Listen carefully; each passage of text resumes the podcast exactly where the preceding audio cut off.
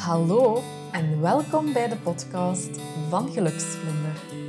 Ik ben Celina, yoga- en mindset coach, mama van Cody en Lexi, rustbrenger en vooral genieter van het leven.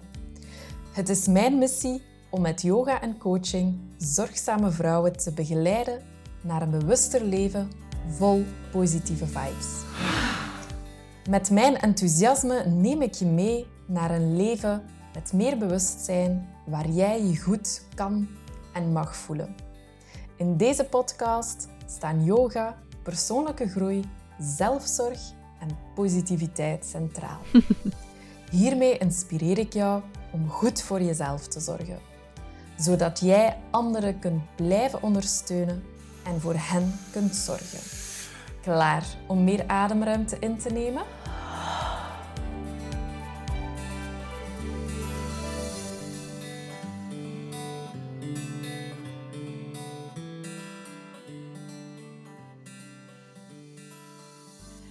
Hallo en welkom bij een nieuwe aflevering. Op vraag van een van mijn luisteraars maakte ik deze aflevering. En het is een aflevering waarin je misschien het volgende zal herkennen. Je leeft op automatisch piloot. Je zet jezelf steeds op de laatste plaats en je agenda die prop je maar zo vol mogelijk met sociale verplichtingen, zodat er amper tijd is voor jezelf. Mijn luisteraar stelde de volgende vraag aan mij. Celina, hoe maak je nu tijd voor jezelf? Ik probeer hier een antwoord op te geven. En ik ga dat doen aan de hand van een boek dat ik enkele weken geleden gelezen heb. Het boek heet De Middernachtsbibliotheek van Matt Haig. De Middernachtsbibliotheek is een plek tussen leven en dood waar Nora terechtkomt na het nemen van een overdosis pillen. Nora zag zichzelf niet graag en had spijt van bepaalde keuzes in het leven. Ze kon niets meer betekenen voor een ander in dit leven en neemt eigenlijk de drastische keuze om er een eind aan te maken. Maar Nora die komt terecht in de middernachtbibliotheek. Een plek waar het altijd middernacht is. Een plek vol boeken met verschillende soorten levens die zij kan uitproberen. De tijd staat daar stil. Dus eigenlijk krijgt Nora in de middernachtbibliotheek een tweede kans. En ze gaat eigenlijk gaan kijken op welke vele manieren haar leven anders had kunnen verlopen. Nu, ik ga niet te veel uitweiden over de inhoud van het boek, want ja, daarvoor moet je die zelf lezen. Het boek toont dat je eigenlijk geen spijt moet hebben van bepaalde keuzes die je maakt of gemaakt hebt.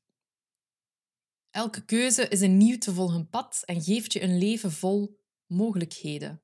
En waarom vertel ik over dit boek? Tijd maken voor jezelf, dat is ook een keuze. Jij hebt de keuze om eerst me-time in je agenda te schrijven en dan pas de rest. Jij hebt de keuze om nee te zeggen tegen die sociale verplichtingen en gewoon een avondje thuis te blijven.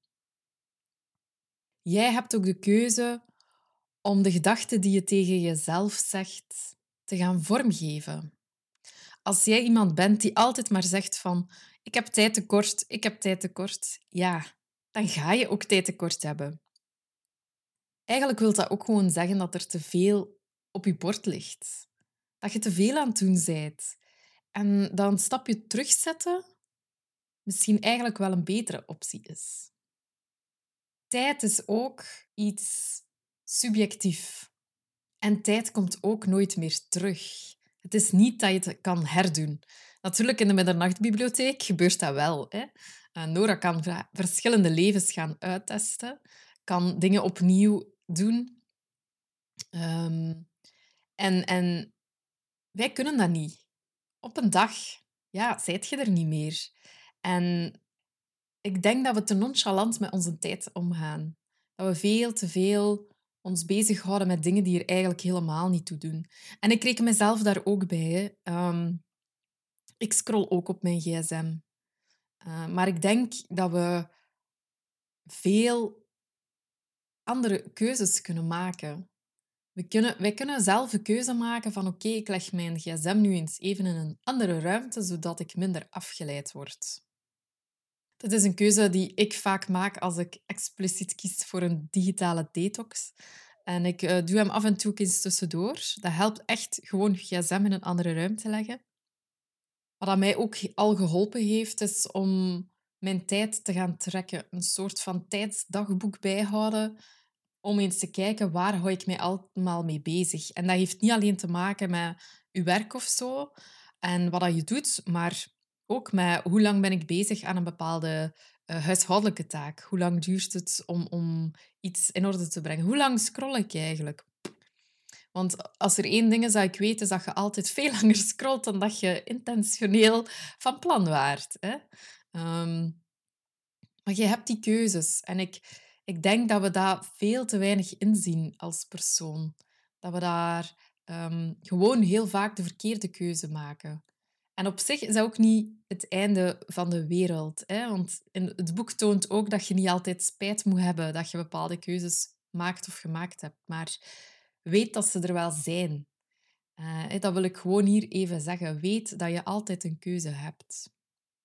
Nu, tijd maken voor jezelf heeft ook met energie te maken. Tijd en energie, dat zijn zo twee dingen die voor mij samenhoren. Want uh, ja, waar spendeer jij jouw tijd aan? Is dat aan dingen die jou energie geven?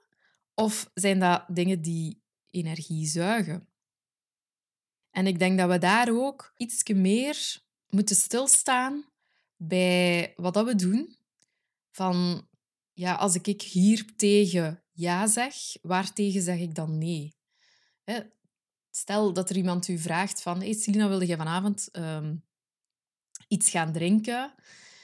En ik heb aanvankelijk zoiets van... Oh, eigenlijk heb ik niet zoveel goesting. Ik ben eigenlijk een beetje moe. Ik heb uh, geen zin daarin. Maar ja, ik ga toch maar die andere persoon gaan pleasen. Het is lang geleden dat ik die gezien heb. Ik zal, maar, uh, ik zal toch maar gaan. Dan gaat jij eigenlijk nee zeggen tegen tijd tegen jezelf, maar ook vooral ja, daar tegen je goesting gaan zitten. Hè? Misschien kan het nog leuk uitdraaien, heel misschien. Maar ja, jij had een andere keuze kunnen maken op dat moment. Een andere keuze geeft ook een ander pad. Um, heel belangrijk is ook is dat je dus die, die energie, dat je ook even afcheckt. Doe ik bepaalde dingen uit vertrouwen en goesting? Of komt dat eerder uit angst en people-pleasing gedrag, perfectionisme en, en zo verder? Al die belemmerende gedachten die je eigenlijk tegenhouden. Dus tijd en energie is heel belangrijk hierin. En ik stel ook graag de volgende vraag. Vind jij jezelf belangrijk genoeg om van jezelf een prioriteit te maken? Als jij daar ja op antwoordt, dan heb ik het hier over pure zelfliefde. Als jij ja hebt geantwoord op de vorige vraag, dan hebben we het hier over zelfliefde. En ik heb een quote uit het boek gekozen, uit de Middernachtbibliotheek. Dat was heel moeilijk, want er staan superveel mooie quotes in, heel mooie inzichten eigenlijk. Maar het is wel eentje dat hoort uh, bij die pure zelfliefde. Dus hier ga ik. Als je probeert iets te zijn wat je niet bent, ga je altijd de mist in. Probeer jezelf te zijn. Probeer te kijken, te doen en te denken zoals jij. Probeer de beste versie van jezelf te zijn. Omarm je eigenheid. Steun het. Hou ervan. Dus hoe maak je tijd voor jezelf? Dat is door jouw tijd en energie te steken in wat jij belangrijk vindt. Ja hoor, jij. Denk aan jezelf. Ik laat je ook nog graag weten dat uh, in de krokusvakantie er een yoga-workshop doorgaat met als thema zelfliefde. Dus als jij eens een uh, momentje nodig hebt voor jezelf, dan ben je zeker welkom. We gaan hartopeners doen, maar ik ga het ook hebben over uh, liefde, een liefdevolle meditatie, een um, ademhalingsoefening om je hart in lijn te brengen met de rest van je lichaam. Dus ik nodig je van harte uit om, uh, daar, ja, om daar naartoe te gaan. Ik zal uh, het linkje naar mijn lessenrooster uh, in de show notes zetten, zodanig dat jij heel gemakkelijk kan inschrijven. Super bedankt om te luisteren. Dag!